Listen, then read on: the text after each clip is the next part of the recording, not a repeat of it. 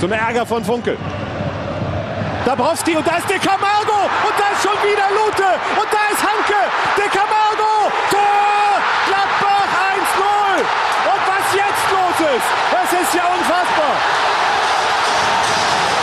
Der Borussia Park flippt aus auf den Rennen auf den Rasen. Hei og hjertelig velkommen til nok en episode av eh, Gladbach-podden. Mitt navn er Einar Dybvik.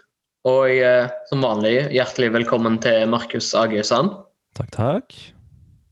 Hvordan er livet i Oslo for tida? Nei, det er greit. Nå har det åpna litt grann opp, i hvert fall. Nå er butikker åpne, så det er jo en befrielse. Uten at jeg har vært og shoppa noe, så er det jo hyggelig at det er litt At det åpner litt, da. Ja. Og gult nivå på skolen, så nå har jeg fulle klasserom og sånt, så det, det er stas. Det er gøy. Ah, gøy. Hjertelig velkommen òg til Gard Kjelderup. Takk skal du ha. Hvordan går det i Bergen? Eh, Ja, nei Det går nå sånn som vanlig. Det er nesten sånn at jeg har slutta å følge med på eh, restriksjonene. For jeg bare går ut ifra at jeg kan ikke møte folk, og jeg kan ikke gå på butikken. Eller eh, det kan du jo for så vidt, men eh, at det, det er ikke så veldig mye å gjøre på, da. Så jeg blir sittende hjemme og ja, prøve å få tida til å gå. Og se på at uh, Gladbach trapper 6-0 mot uh, Bayern München. Ja, det Det gjør jo ikke tilværelsen noe bedre, akkurat. Det var ganske labert, det der, altså. Ja. Ja. Vi kan jo uh, ta kampen i helga etter en, eh, en ukes pause, faktisk. For uh, Gladbach sin del så var det serierunde igjen. Og eh, vi møtte da den uh, nykrona seriemesteren Bayern München. Som uh, kun en time før var blitt uh, bekrefta seriemestere. Og vi hadde jo et lite håp om at de kanskje hadde tatt seg en liten dram og feire med før uh, kampen, men eh, det var ingenting som tyda på det, Markus. Nei, på ingen måte. Det virka vel heller motsatt vei, at de fikk en eh, megaboost. Og ja, nei, jeg kan jo bare si det som det er. Spilte som mestere av Bundesliga gjør. Og de er bare kjørte over oss, og Lewandowski jakter jo målerekord, noe han viste med hat tricket sitt. Så det var, eh, det var hardt å se på, altså. Men det var liksom ikke en nubbsjans. Hadde jo en eh, relativt tidlig sånn halvsjanse, Glabak også, Men så, så gikk det jo plutselig med mål imot, og da, da, da så man på en måte hvor kampen var på vei, da. Mm. Det er klart, Når du nevner Lewandowski, det er det eneste positive jeg tar med meg fra den kampen, her, det var at han ikke skåra ett til og fikk tangert den der jævla rekorden. For det Ja. Åh, Det var det eneste som mangla. Så det var, det, det var litt godt å se at de ikke fikk juble over det i tillegg, Ja, når de hadde Ja. alle de måla å juble for. Men det, Men jeg kommer til å ta den. Ja, Ja. er du gal? det er ikke noe tvil. Det må sies at det andre målet hans var jo helt fantastisk å se på, da. Selv om det, det smerter meg å si det, men uh, skikkelig volley. Ja, det var fint. Det var en del fine mål der fra Bayern. Og så var det vel ett veldig klønete fra Gladbach sin del, hvor du mista ballen i, i angrep, og så kontra Bayern München, og da var det, det var vel 2-0-målet, tror jeg. Det er godt mulig. Det, det husker jeg ikke, det ble, det ble så mange mål. Ja. Thomas Müller-målet. Ja, det var det som gikk eh, helt sånn tullete mellom stanga og sommer, ikke sant? Ja, jeg lurer på det. Jeg tror det var først mista inn i ballen. Han snubla på vei fram, eller et eller annet sånt, og så kom Bayern og bare satte han i mål. Ja, for det, er sånn, det, det er et forferdelig irriterende mål, men så er det sånn det, Veldig sånn myldersk òg å bare liksom rote den ballen inn, på en måte. Altså sånn der sånn, eh, Ikke Tabbo Bob-aktig, men det er liksom det er så, det er så rart at den ballen går inn. Ja, Nei, men han er jo mester på å skåre litt sånn tilfeldig mål. Ja. Helt, Nei, jeg jo eh, det, helt det bare blir enda mer irritert på at han fins. Ja. Nei, det var, det var tungt, altså. Men var dere overraska over hvor mye bedre Bayern München var enn eh, Gladbach? Gladbach har jo hatt et, eh, i hvert fall litt grep på eh, Bayern München tidligere, og vi slo det jo tidligere i denne sesongen her. Men uh, her var det jo ekstrem klasseforskjell. Ja, Mm. men jeg føler at i den eh, returkampen, da vi vant 3-2, at da, da funka taktikken til de grader, og, og alt stemte for Gladbach. Og jeg fikk inntrykk i den kampen her at eh, at det ikke funka, uh, lagoppstillingen og sånn i dag. At det var, ja, det var rett og slett litt feil. Da. Og ingenting funka for oss, og alt funka for, for, nei, for Bayern. Mm. Men eh, nei, vi var litt svake, og Bayern er dritsterke. Så jeg jeg er jo på en måte ikke overraska. Det er jo sånn her jeg ser for meg at kampen mot Bayern fort kan bli. Men jeg er jo litt skuffa over at vi ikke ga mer motstand enn en det vi gjorde.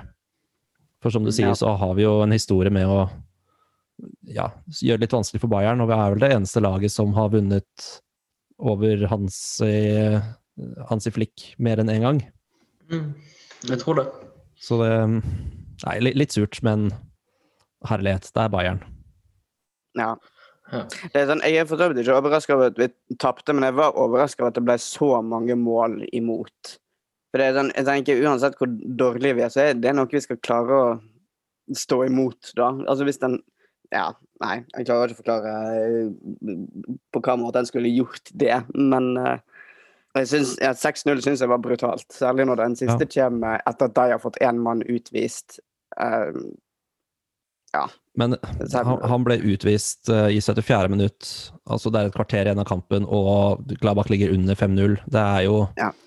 eh, Alle spillerne har vel inn, er vel innforstått med at dette ikke går veien da. Ja. Og selvfølgelig, de fortsetter å prøve, men eh, ja, jeg, jeg skjønner at Eller det hadde vært noe annet da, om det røde kortet hadde kommet i 14. minutt. ja, Mm. for all del. Gladbach hadde vel gitt opp eh, litt allerede på, på det tidspunktet. Ja. Ja, jeg tror det. Men, men var vi kanskje litt for snille, eller møtte Bayern litt for mye respekt? For det, det ble jo delt ut to gule kort. Et i 64. til Neuhaus og et på, helt på tampen av kampen til Wolf. Og det, og det, det kortet til Wolf var jo òg fordi at han sparka ballen vekk. Det var jo ikke fordi at han gikk hardt i noe. Nettopp. Ja. Så kunne vi vært litt røffere, tenker dere? Mulig. Jeg vet ikke, jeg så ikke uh, Nå så ikke jeg eh, kampen, jeg har kun sett uh, høydepunktene. Men eh, Gladbach har jo en tendens De pleier jo ikke å være et lag som takler så veldig mye. og sånn. Kanskje vi burde gjort det litt mer sånn generelt, men Ja, vi, vi har vært Mm. mye, fått mye mer kort i år, eller denne sesongen, enn vi gjorde i forrige sesong. For da var vel det mest, eller det minst bukkede laget i hele ligaen. Men nå Mhm. ligger vi ganske høyt oppe, tror jeg. Jeg tror kanskje heller det er et uttrykk for at vi mangler litt, eh, litt gnist og litt glød og litt energi. Og at uh, spillerne er litt uh, er ikke litt leie og litt uh, fått litt nok av en lang sesong og mye styr rundt uh, trener som skal vekk og sånne ting. Mm. Mm. Og så tror jeg også det er stress når du veit at her kan du egentlig ikke tape, sånn med tanke på plassering på tabellen og eh, eventuelt Europa og sånn. Sånn at Ja, vet ikke. Det er noe med at når du har, eh, når du har positivt press på deg, sant, så, funker det, så funker det, men når du har den type negativt press, så eh, ender du gjerne opp med å gjøre det du ikke burde Eller det som ikke burde skje, skjer. Mm. Vi hadde jo for så vidt Mm. flaks at uh, Leverkosen kun tok ett poeng, da, og at Union Berlin tapte. Ja. Men uh, det, håpet er, eh, det er ganske svakt. For desto mer synd er det jo at vi tapte så voldsomt som vi gjorde. Um, for det er vel uh, Leverkosen må vel fortsatt tape begge sine. Og vi må vinne begge våre for at vi skal klatre forbi dem på tabellen. Ja, Det stemmer. Ja. Fordi at Mm. nå, på grunn av uh, alle de målene vi fikk inn mot nå, så er målforskjellen såpass kjørt at hvis vi vinner begge og Leverkosen tar bare ett poeng, så ligger vi likt, men de vil uansett ha bedre målforskjell enn oss. Mm. Ja, for de har 16 pluss, og vi har eh, 7. Ja, og Så det det ville jo sett vært- betydelig bedre ut hvis vi ikke hadde tapt så voldsomt. Ja. Og nå er vi jo Vi ligger på samme poengsum som, som Union, foran med ett mål. eh, i målforskjell, så det er jo skummelt der også. Ja. Mm. Men eh, Sommer hadde jo en helt sånn fabelaktig trippelredning på slutten av den kampen. Så du det, Gard? Herregud, ja. For han har hatt en sånn før. Uh, nå husker jeg ikke helt Jeg tror kanskje det var mot Freiburg eller Union Berlin, jeg husker ikke. Men han har hatt noen sånne som han plutselig bare er helt latterlig. Og det, det er deilig å se, da. Selv om han sla, slapp inn mye. ja. Men jeg kan ikke klandre så mye på de målene han slapp inn. Det bare... Nei. ja. Enig. Men hvor mye henger det resultatet her sammen med, med at Marco Rose er på vei vekk? Er det, er det et tegn på det, eller er det litt sånn man må ta utenom siden de spiller mot Bayern München og det er seriemesteren og Tysklands desidert beste lag? Ja, jeg tror du må ta det utenom, og det er òg såpass lenge siden det ble avgjort nå at det, det kan ikke påvirke lenger i betydelig grad. Nei. Om vi ikke hadde vunnet eh, 4-0 mot Frankfurt og 5-0 mot uh, Bielefeld, så kunne man kanskje snakket om det. Men eh, vi har hatt den oppturen etter den store nedturen. Så jeg tror også dette her må ses eh, utenfor Råse-problematikken, ja. Mm. Og det er sånn det er, De beste lag taper voldsomt mot Bayern òg, eh, Mm. så Ja. At vi gjør det når vi er Hva skal jeg si Vi er ikke middels, men vi er under vårt beste. Og eh, at vi da drar til München og får bank som vi gjør, det, det er jo ikke helt ulogisk heller. Nei. Men uh, du uh, stilte et spørsmål i uh, chatten vår for et par dager siden, Markus. Du lurte på om Marco Rose ville fått sparken allerede hvis han ikke skulle til Dortmund. Mm. Ja, for nå føler jeg jo i stor grad at han, at han kanskje får lov til å være glad bak av denne klausulen. At hvis han hadde blitt sparket etter denne kontrakten var signert, så, så hadde ikke Gladbach fått noe penger for Rose. Uh, og, og det er jo én side av det, men om han ikke i det hele tatt Det ikke hadde vært noe prat om at han skulle til Dortmund, og likevel hatt de samme resultatene som han har fått nå, da tror jeg kanskje at han ikke hadde vært Gladbach-trener lenger. Jeg er bare litt nysgjerrig på hva, hva dere tenker om det. Jeg tenker at uh at han ikke ville fått sparken fordi, han, fordi det hadde vært et langsiktig prosjekt, og da hadde man tolerert at det gikk litt imot en periode. og Det var liksom, det var det det var snakk om hele veien, at han skulle ha et prosjekt som skulle gå over flere år og bygge lag og sånn. Og Det hadde jo brukt veldig med den ideen hvis han hadde fått sparken etter en litt dårlig periode. Så jeg tror han hadde, jeg tror han hadde blitt sittende uansett. Så ville det jo vært spennende å se om laget likevel hadde prestert så varierende som de har gjort uansett, eller om det henger sammen med at han, eh, med at han skal vekk. Mm. Mm. Jeg er faktisk eh, helt enig. Um, og det var magefølelsen min òg at eh, han ikke ville fått sparken. Og så så jeg da på de trenerne vi har hatt mens Max Ebel har vært eh, eh, hva er det da, sportsdirektør, eller hva det er. Jeg, Mm. jeg er så dårlig på de titlene der. hva Sportsdirektør, det stemmer det. Ja, ok, bra. Um, og vi har hatt seks trenere der Marco Raas er den sjette. Og der to av dem har gått frivillig, og to har fått sparken, men først når det har vært helt fullstendig krise. Iallfall veldig nedrykkstrua krise. Mm. Og med tanke på ambisjoner så kan en jo si at det var krise tidligere, i hermetegn, men ikke på det nivået som ville tilsi at han hadde fått sparken. Nei. Så, og jeg tror, jeg tror han hadde fått sparken i ganske mange andre Bundesliga-klubber som ikke er like tålmodige. Um, men akkurat i Gladbach så har den uh, uh, beholdt han, Mm. i hvert fall ut sesongen. Mm. Jeg er helt enig. Og det var mer litt som tan tankeeksperiment enn et, eh, et faktisk spørsmål. Og, og spørsmålet i seg selv er jo egentlig helt teit, for om han ikke skulle til Dortmund, hadde vi sannsynligvis ikke hatt denne duppen i form, og da hadde ikke spørsmålet hatt noe verdi, etc., etc. Det er mye, mye sånne hvis-greier i det spørsmålet her. Mm. Det vil jo bli spennende å se hvor eh, tålmodige Dortmund er med. Om de, eh, hvis det går litt imot der, om han likevel får litt tid på seg til å bygge lag, eller om de hiver han på dør. Mm, ja, det blir veldig interessant, for de er jo ikke Ja. på langt nær så tålmodige som, som Gladbach. Nei. Nei, det er mye høyere forventninger til at han skal prestere der. Mm. Det viser jo bare at de eh, lot Favre gå òg, når de eh, burde skjønt at eh, han går sjøl når han skjønner at han ikke kan bidra. Et, etter tap mot Schalke så hadde Favre gått fra Dortmund. Ja, ikke sant? Uten at det nødvendigvis hadde skjedd. ja. Vi skal snakke om noe litt hyggeligere. Og eh, i år så er det jo, som vi tidligere har vært inne på, 50 år siden Gladbach vant sin andre ligatittel. Og eh, vi skal snakke litt mer om dette laget på 70-tallet med en god del kjente navn.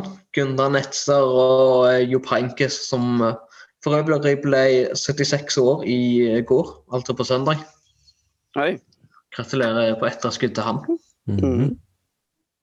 Og eh, du har eh, lest litt mer om eh, det laget her, Gard. Ja, eh, oppgaven var jo å ta for seg det der eh, rivaleriet mellom Gladbach og Bayern på, på 70-tallet. Så jeg har litt av, eh, litt av begge. Og så eh, har de jo tatt eh, veldig ulike retninger siden den tida. Um, men ja, altså er det jo 70-tallet Vi har jo snakka om det mye allerede, men så har vi hovedsakelig tatt for oss enkeltkamper. Så det her håper jeg kanskje kan gi litt mer, bedre eh, overblikk. Eh, For verken Gladbach eller Bayern var blant lagene som var med i den første sesongen av Bundesliga i 1963-64, men de rykka opp samtidig i 1965. Eh, Og for alle som roter litt med navn der ute, og ikke klarer å skille mellom München og München-Gladbach, så hette byen München-Gladbach offisielt München-Gladbach tidligere, eh, men de endra uttalen nettopp for å unngå forveksling med München. Så hva skal jeg si Det er en liten, uh, liten connection allerede der. Mm. Uh, Bayern-laget som rykka opp, det sto bl.a. av Frans Beckenbauer, Gert Müller og målvakt Sepp Maier. uh, som ble værende i klubben til langt ut på 70-tallet, uh, og i Müller og Maier sitt tilfelle helt til 1979. Og i 1970 kom også Paul Breitner og en karakter som alle har hørt på Dritte Halbseit, kjenner godt til, eh, Oli Hønes. Eh, Sistnevnte spilte òg til eh, 1979, mens Paul Breitner gikk til Real Madrid i 74. Hos Gladbar er det òg et par velkjente navn ned på opprykket, nemlig Gunther Netzer og Jupp Henkes. Og i de neste par sesongene så kom Beatrice Fox og Herbert Wimmer, som òg er store Gladbart-navn, og ble, begge ble òg værende til sent på 70-tallet. Uh, Henkes gikk til uh, Hannover i 67, men kom tilbake i 1970 og ble værende til 78. Og så har vi òg da uh, danskene Henning Jensen og ikke minst Allan Simonsen, eh, som ble, begge kom i 72 og spilte til henholdsvis 76 og 79. Eh, Gunther Netzen der var for øvrig den som skåret første målet i den første kampen mellom de to, eh, men Bayern vant eh, 2-1.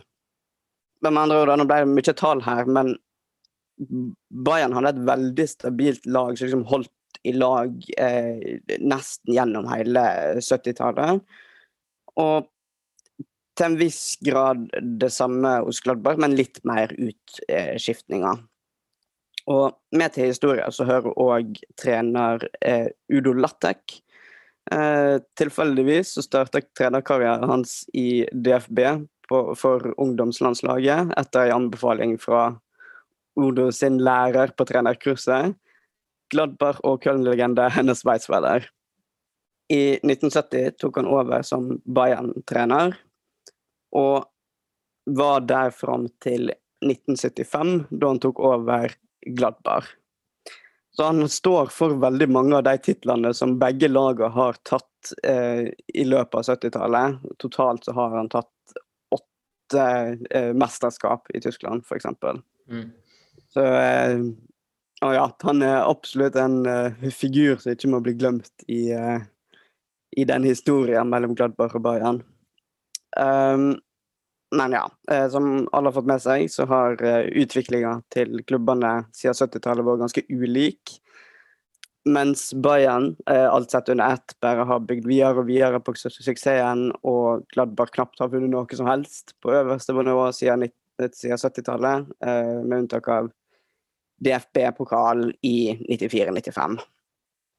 Uh, og noe konkret fasitsvar på akkurat hvorfor det er sånn, det nok litt vanskelig å finne. Men det er en del faktorer som spiller inn. En av de at eh, Gladbach fikk ikke eh, erstatta veldig mange av de beste spillerne, og en måtte selge veldig mange av de gode eh, pga. økonomien. Og der kommer òg stadion inn, fordi at en hadde jo da fortsatt Bøkelberg stadion, som hadde en kapasitet på under 35 000 tilskuere. Og den siste renoveringa som ble gjort, var i 1978. Og det her er altså den stadion som ble brukt fram til 2004.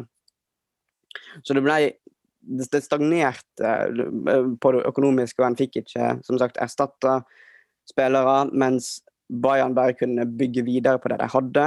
Og de flytta inn på nybygde Olympiastadion i 1972, som allerede da hadde en kapasitet på over 70, 70 000 tilskuere. Og så er det jo, eh, enn vi allerede nevnte, han uh, Oli Hønes, som Han òg er viktig i den sammenhengen her, da. Fordi han hadde Business Teft allerede som spiller, og en sponsoravtale han ordna for Bayern, var det som gjorde at klubben hadde nok midler til å kjøpe tilbake Paul Breitner i 1978. Og han ble da værende til uh, 1983 eh, og spilte i lag med uh, Karl-Heinz Rummenigge, og de danna en veldig god struktur i, i laget. Og Holi Hønes tok da over som klubbansvarlig i 1979, og som sagt hadde veldig den business-teften og var veldig inspirert av uh, hvordan en gjorde det i, i USA. Så jeg tror nok han òg har veldig veldig mye å si for at Bayern kunne bygge videre, mens Gladbar Gladbach ikke kunne det.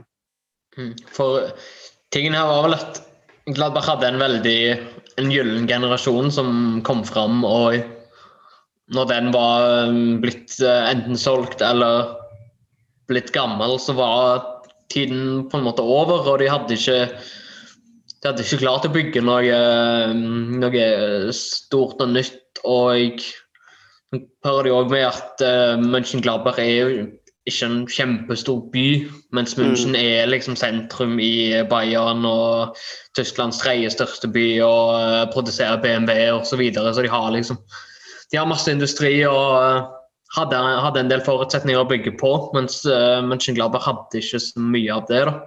Ja, pluss at sånn i samfunnssammenheng så er jo Bayern som delstat er jo den rikeste i hele Tyskland. Mens NRV, altså Nordrhein-Vestfalen, er en av de fattigste. Mm. Og uh, jeg tror jeg las òg i uh, den ene boka som heter 'Fiender til vi dør', om sånn diverse rivaloppgjør, at byer i Ror, sånn som Dortmund og Gelsenkirchen, er veldig avhengig av fotballagene sine for at det skal gå rundt økonomisk, mens eh, München er ikke avhengig av Bayern München for at byen skal, eh, skal ha en sunn økonomi. Mm. Det, det, er klart at eh, sånn samfunnsmessig så er det, det er ikke eh, Hva skal jeg si det er ikke irrelevant at uh, Bayern München ligger i, i, Bayern og kan uh, bygge opp noe der. Mm. Og, uh, men det er jo altså Selve stammen av det tyske landslaget på denne tiden besto jo av spillere nesten kun fra Bayern München og Borussia München-Gladbach. Og de vant jo EM i 72, de vant VM i 74, og det var de hadde jo alle disse store spillerne, Gert Müller og Frans Beckenbauer og Gunther Netza og Jo Peinkes osv. Gunther Netza spilte ikke sånn kjempestor rolle på landslaget, men det kan vi ta en annen gang. Men likevel en veldig, en veldig stor tysk generasjon som besto av spillere fra disse to lagene. Mm. La oss òg i den sammenhengen uh, Det var en uh, sånn undersøkelse gjort av goal.com. Hva for et lag er det som er minst sympatisk, eller hva, hvem er den hater mest? Og Bayern på 70-tallet var de som kom på andreplass. og der eh, Et av punktene som gjorde det, det var at de var motparten til eh, Borussia Mönchengladbach, som var mye mer likt og mye mer sympatisk. Mm. Men det er vel eh, Gladbach er vel eh, mer sympatiske enn de fleste av de store klubbene, føler jeg. Ja. Ja. Nå er vi veldig partiske, men eh, det er inntrykket mitt òg sånn ja. i Tyskland generelt, at Ja. uh, Gladbach er blant de mest sympatiske. Så det er Mm. ikke lite Nei, ja. av den der økonomimodellen heller. Altså, vi er jo den Nei. eneste av de store klubbene som ikke har sponsa arenanavn, f.eks. Ja. Mm. Og ja, for sånn generelle Det pleier å være kåringer jevnlig i Tyskland hvor Hvilken klubb eh, liker du minst? Og, og eh, Gladbach kommer, kommer ganske lavt på lista over hvem du liker minst. Det er Ja. Leipzig og Bayern og Hoffenheim osv. som topper den. Mm. Mm. Men Sjokkerende. der er, det er, altså, hvem er det som er øverst av Leipzig og Bayern nå? Jeg tror det er Leipzig, altså. Ja, Jeg tror det. jeg, ja, jeg håper det rent for, uh, for fotballen sitt vesen at det er det. Vi skal holde oss litt i det historiske hjørnet. Og eh, som du var inne på, Gard, så ligger jo Mönchengladbach uh, ganske langt vest i Tyskland. Og ikke så veldig langt unna den nederlandske grensen.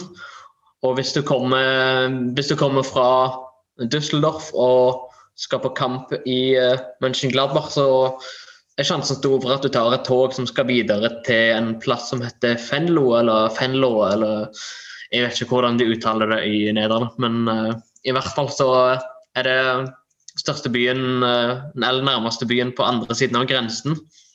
Og uh, vi har fått et spørsmål fra vår faste lytter Bjørnar Morønning, som lurer på om Gladbach har, har hatt noe samarbeid med klubbene på med klubbene i Nederland, og om dette samarbeidet eventuelt foregår fortsatt i dag.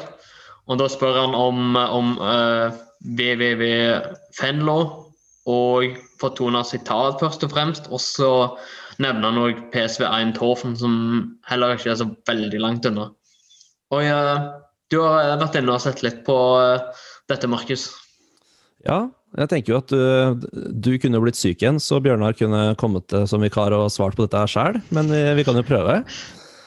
Eh, Fenlo er for øvrig også en by du må innom hvis du velger å ta fly til eh, Amsterdam og toget derfra, hvis du skal på Gladbach-kamp, som jeg har gjort. Det er billigere å fly dit enn til Düsseldorf, så det er et tips til de som skal på Gladbach-kamp. Det er veldig grei tog, togrute. Men jeg har ikke funnet sånn veldig mye, altså. Nå har jeg ikke hatt sånn utrolig god tid til å dykke i arkivene og, og lete sånn grundig gjennom alle mørke forum på, på internett. Men eh, det er ikke noe sånn særlig samarbeid som jeg har funnet. Men, men vi har jo en eks-spiller som er trener i Nederland, og to gamle Gladbach-trenere som, eh, som er trener i RS-divisjonen i Nederland nå. Og det er jo gamle fotballgodt eh, forsvarer Roel Brauers, som eh, ganske nylig er blitt eh, trener for U18-laget til Roda Kerkrad. Så det, Mm. kanskje det kommer noe vennskap der etter hvert. Eller så har vi jo Dick Advokat. Han trente Gladbach i fire-fem-sesongen, hvor vi havnet på en sterk 15.-plass. Eh, han er nå hovedtrener i Feyenoord. Så har vi Joss uh, Liukai, som fikk Gladbach opp igjen fra andre Bundesliga etter en litt, eh, en litt trist eh, siste sesong for Heinkis. Heinkes. Så Han er vel opp, eh, kjent, kjent opprykkstrener i eh, andre Bundesliga. Han har vel tatt opp både Gladbach og Hertha og Augsburg, eh, tror jeg. Ja, og så har han jo trent uh, Köln og Paderborn og San Paoli også, eh, blant annet. Så han er en, eh, en, en kjent, eh, kjent tysk, eller Bundesliga og nedover i divisjonene, da. Kjent i Tyskland, kan man kanskje si. Men eh, han er i hvert fall trener, eh, eh, trener for Fenlo nå. Og ja, vi spilte jo en treningskamp mot de i fjor høst. Men han har bare vært der i, i seks kamper. Eller trent i seks kamper nå, så um, det var nok ikke noe, ikke noe der. Men så søkte jeg også på, på, PSV, altså. Og utenom å få opp eh, overgangen til Luke de Jong i 2014, så fikk jeg opp profilen til laget PSV Mönchengladbach. Hey. Eller Polizei SV Mönchengladbach, som, eh, som de heter da. Så det kan jo virke som at det er et nedlagt lag. Eh, deres siste kamp var et 0-9-tap mot Rotweiss Rådveis Essen i Landespokal Niederrein i 2013. Så, så, ikke så mye å hente der. Ja, ikke noen connections med PSV som jeg har sett, altså. Men, men Gladbach har møtt nederlandske lag i offisielle kamper ti ganger. Vi har vunnet uh, seks av de, og tapt én. Og det, det, som er litt gøy, er jo at vi tre av de seks kampene vi vant, altså halvparten av seierne våre, endte 5-1 i favør Glavach. Og mot forskjellige klubber og forskjellige år. Så det var uh, Tvente i Uefa-cupfinalen i 75. Så var det Sparta Rotterdam i 85 og Feyenoord i 86, som begge var 16-delsfinaler i Uefa-cupen. Mm. Og vi har faktisk bare tapt uh, tapt én eh, gang mot et nederlandsk lag, og det var Da ble vi slått ut av uh, cupvinnercupen av Feinor i 95-96. Mm. Men uh, jeg har ikke noe særlig mer enn uh, det, altså. Litt uh, generell info, bare. Jeg har spurt litt på, på forumer og, og, sånne ting, og um, folk fra Glabach kunne ikke komme på noe. I hvert fall de som svarte på den posten min. Så dessverre, Bjørnar, jeg har ikke noe snadder til deg denne gangen. Det tyder vel på at det ikke var noe formelt samarbeid, i hvert fall. Ja, men, men jeg tenker jo at um, det, det, var jo sånn i starten, da, da Gladbach etablerte seg, sånne ting, at de, de spilte ofte kamper mot, mot, nederlandske lag. Og jeg tror fremdeles i dag at det er en veldig sånn logisk sted å finne lag å spille treningskamper mot. Hvor de kan mm. møte motstand som er ganske høyt oppe, som er, spiller i æresdivisjonen der, men ikke da Bundesliga-konkurrenter og sånne ting, da. Så jeg tror det mm. Jeg tror nok eh, beliggenheten til Gladbach i forhold til Nederland er en, er en stor grunn til, å, til at det er mye vennskapskamper, da, mellom landene der. Ja. Mm. Og uh, det var vel lenge etter krigen et uh, nokså kjølig forhold mellom Nederland og Tyskland. Særlig nederlendere likte ikke Tyskland og tyskere så veldig godt fordi de hadde invadert dem for eh, et par år siden. Mm. Det høres logisk ut, det òg. Mm. Ja, for all del. Ellers eh, Mens vi er inne på, på disse klubbene, så kan vi jo nevne en spiller som heter Georgios Giacomakis, som er toppskårer i nederlandske RS-divisjonen denne sesongen, som spiller på Fendler. Fendlo. Og som har han 25 mål på 28 kamper denne sesongen. her. Oh, shit. Noe som er litt rart, fordi Fendler ligger, på, de ligger nest sist i den nederlandske serien. Men likevel så bøtter han inn mål for klubben. Er det kun han som har skåret? Det er nesten bare han som har skåret.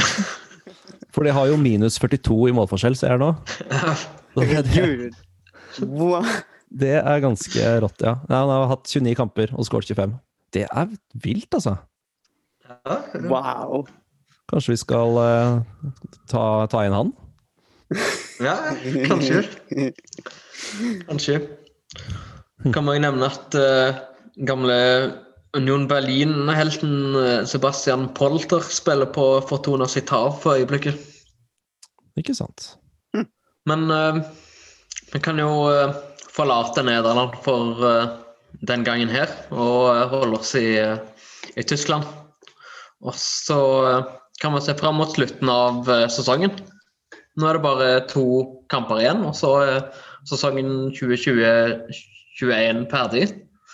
De er da mot Werder Bremen og Stuttgart. Men først Stuttgart, og så Werder Bremen. Um, hva tror dere om disse kampene? Hmm. Først og fremst så syns jeg det blir liksom deilig at denne sesongen her er ferdig. Det har vært eh, ganske hard rokkrunde.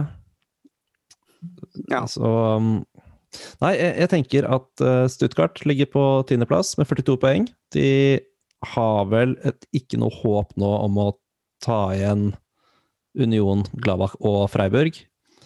Så de ser jeg ikke på som en sånn kjempetrussel, selv om de har hatt tidvis veldig godt spill i år.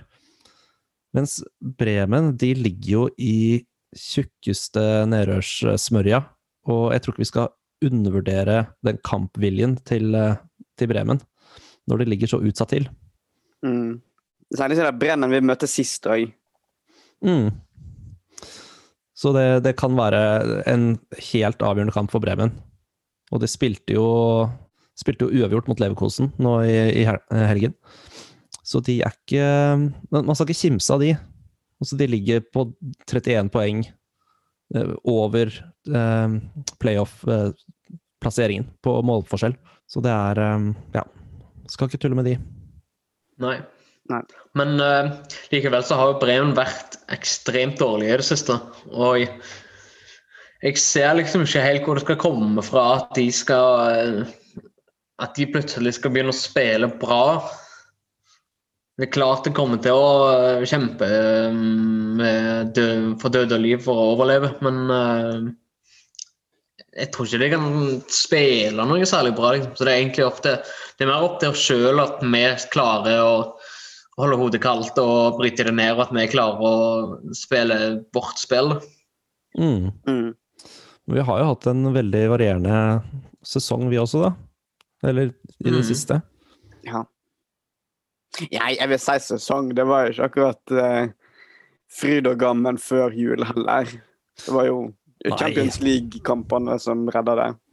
Ja. Ja. Nei, men Werder Bremen de har jo Sist gang de tok et poeng i Bundesliga, var 7. mars mot okay, Köln 1-1. Så det Ja. To poeng siden 7. mars, da. Ja.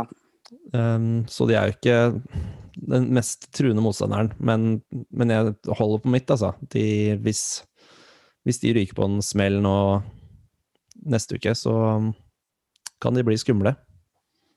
Kjempe med nebb og klør. ja. Men, eh, men Stuttgart i alle fall, der går vi for at vi vinner. Ja. Ja. Ja. Altså, selv om vi har tapt 6-0 mot Bayern, så Stuttgart er noe litt annet, altså. ja. Og de òg har, tatt- de har tapt fire kamper på rad nå. Ja, ikke sant. Så det, det virker som luften har gått litt ut av de òg. De hadde jo en veldig positiv sesong tidligere, men uh, nå har det liksom stoppa litt opp for dem. Ja. Ja. Nei, altså, jeg tror nok vi har eh, statistisk sett og oddsmessig så satser nok folk flest på Gladbach. ja. Ja. Og ja, jeg også, egentlig. Vi, vi bør ta seks poeng fra de to siste kampene.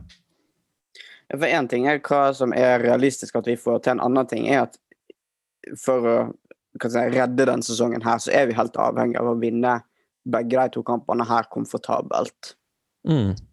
Eh, for det er det eneste som kan eh, hjelpe oss litt på vei. Da holder vi vel på den syvendeplassen vi har. Ja. Også, Det spørs på målforskjell, da, men, eh, men Ja, ikke sant. Ja, det er derfor. Ja, sånn, derfor sier komfortabel, så vi bør jo vinne både ja, 2-3-0 i begge kampene. Ja, men, men nå møter jo altså Den største utfordreren vår er jo Union Berlin nå, som har like mange poeng som oss, men de møter Leverkosen og Leipzig de to siste kampene. Så man, Ja, ok. man kan jo håpe at man kanskje får litt hjelp derfra. Ja. Og så er det òg For min egen del så er det litt sånn Jeg bryr meg egentlig ikke så mye om vi spiller Europa eller ikke, men det gjør jo spillerne våre. Så Mm. det er så mange Eller mange og mange, men det er en del som vi fortsatt har et håp om at vi kan beholde, som vi garantert mister hvis det ikke blir Europa neste sesong. Ja. Men, men igjen, da. Er Zakaria og Neuhaus og Ginter keen på å spille Conference League? Ja, men det, fall, det øker i hvert fall sjansene, da, hvis de får eh, Grunnen til at de ikke har eh, sagt kategorisk nei ennå, vil jeg jo si er fordi at de, de, de trives godt. Sant? De, jeg tror nok Mm. de har lyst til å være her hvis det er mulig. Ja. Og jeg vil tro at da med i potten, hvis det bare er et eller annet internasjonalt spill, så er det nok, på en måte. Ja. ja, det er en, mm. den avgjørende grunnen til å bli, at det er noe mer. Ja. Men Dette har vi ikke snakka noe om, men i Conference League så kom man jo inn i kvalikrunder. Så vi kommer til å da ha ganske mange kamper under beltet før Bundesliga-sesongen starter, og et relativt tett kampprogram en god, god stund, da. Mm. Er det, er det positivt, eller er det negativt? Det vil jo bli litt mer fordelt enn det har vært denne sesongen nå. Mm. Ja. Så Men likevel så starter man sånne obligatoriske kamper mye tidligere. Får kortere, kortere sommertrening. ja. Troppen vil vel bli litt tynnere òg, siden, uh, siden de er nødt til å selge noen. Og litt usikkert om uh, Lazaro blir værende, om Mm. de signerer han permanent. Så jeg vet ikke, men kanskje de kommer til å prioritere Conference League litt mindre, siden det ikke er så stort som Champions League, da. Ja, og så- og så er det jo lettere motstand. Ja. Og så tenker jeg at selv om man har da Man, man starter med sånne obligatoriske kamper før, før sesongen starter, så, så er det mot mye dårligere lag, hvis man, hvis man kan si det sånn. Eh, og da, da får jo hytter trent ut eh, og testa ut forskjellige ting også, så det, det kan jo være en fordel at laget er blitt trygge på hverandre i en kampsituasjon i større grad da, før, eh, før sesongen starter. Ja, det Mm. tenker jeg òg. Og så er det litt sånn Det, er jo, det går jo et skille på, på sommeren der, akkurat sånn som med nyttårsaften for et kalenderår. Så det er liksom Bare en blir ferdig med den sesongen nå, så kan en på en måte nullstille og, eh, og begynne på nytt. Mm. Um, og bare det å få avklart veldig mye som er usikkert akkurat nå, det hjelper jo på. Eller jeg tror det hjelper på, i alle fall. Jeg, Ja. jeg har sansen for det sjøl, i alle fall. Det er, liksom, det er rart med at det, du merker jo ikke før det er over at Oi, ja, det her tok på, det var greit å bli ferdig med. Mm. Det skal jo spilles EM i sommer òg, så det er en del spillere som skal være med der. Ja, mange sveitsere, ser på meg. Ja. Ja. Det blir det. Men uh, jeg har jo lyst til at vi skal komme til Europa uansett. Og jeg har lyst på Jeg liker jo å spille Europa og liker disse Gjerne å møte enten både store lag, men òg gjerne litt sånne obskure lag fra ja, tidligere Øst-Europa eller eh, mm, Nederland eller eh, Belgia eller sånne ting. da. Eller Norge, kanskje. Ja. Ja, absolutt. Ja, men det, det er jo Jeg er helt enig. Det er jo morsomt med internasjonal fotball. Og Ja. det, det er jo kanskje en uh, internasjonal konkurranse som vi har sjanse på å vinne, da. Hvem vet? Mm. Kanskje. Og så så Kanskje. er det sånn uh, rent jo praktisk òg hvis det er nederlandske lag eller belgiske lag. For det er kort reisevei, så det er ikke så utmattende heller. Mm. Ja. Nå risikerer jo å havne i jeg vet ikke, Astana eller Baku eller sånt. Ja, det er klart. Ja, men da blir det òg sånn ja. Litt gøy, for det er liksom plassene ikke har vært før. Mm.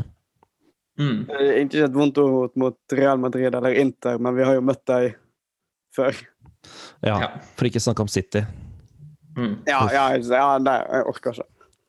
Vi har møtt dem seks ganger eh, de siste ti åra, så det er, eh, Ja. det er hardt. Ja. Ja. Det hadde vært gøy å kunne dra til Romania og møte dette ultravennskapslaget, da. Få en skikkelig fest i Romania. Banke opp litt kelnere. Ja, det ja, det hadde vært noe. Mm. Spørs når det blir lov igjen. Ja, Ja, vi får se. kanskje. Nei, men uh, hva tror dere resultatet blir mot uh, Stuttgart? Hmm. Jeg tenker en ganske sånn kjedelig rutinemessig 2-1, jeg. Mm. Eh, da sier jeg 2-0, for jeg håper at vi holder nullen. Mm. Jeg sier 3-1. Oi, oi, oi. Så det, det er seier, i hvert fall. Ja. Ja. Hva med mot Werder Bremen? Den er litt verre. Og det var faktisk vanskeligere, syns jeg. Mm. Nei, jeg, altså for å være helt ærlig, vi skal ikke spøke med Bremen når de sliter, men liksom sett på papir og, og alt sånne ting, så tenker jeg typ 3-0, altså. Mm. Da, Jeg sier 4-0.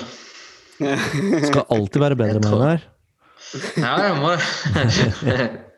Jeg får begynne neste gang, så Ja. Får jeg bare øke med én? Jeg skal, jeg skal tippe litt eh, freidig, og så kan ikke håpe at jeg eh, motsatt jinxer det eller noe, men eh, 2-2. Oi. Og så Mm. skal jeg ikke si hvem det er som scorer på overtid. Så det blir 3-2? Nei, det blir Ok. 2-2, men, eh, men der er det jo en som eh, da redder et poeng på slutten. Nemlig. Ja. Så det er jo, sånn, det er jo klart, har du, har du leder fram til minutt 92, og så får jeg utligning, så er det jo et tap. Ja, det høres kjent ut, det der. Ja, så det der eh, Men som sagt, jeg vet ikke om det da er, er Bremen som eh, kan juble for det, eller om det er vi som kan det. Men eh, ja. Nemlig. Og så Nei, håper jeg at det jeg tar feil. Ja. Ja. Yes, men da innebærer jo at vi egentlig tror at Gladberg i hvert fall kommer på syvendeplass. ja, jeg tror Ja. det. Syvendeplass er, um, er det mest logiske. Ja. Ja. Mm. Det tror jeg jo jeg egentlig. Så um, blir det spennende å se. Så skal vi ta en oppsummering av sesongen etter kampen mot Bremen en gang. Yes. Mhm.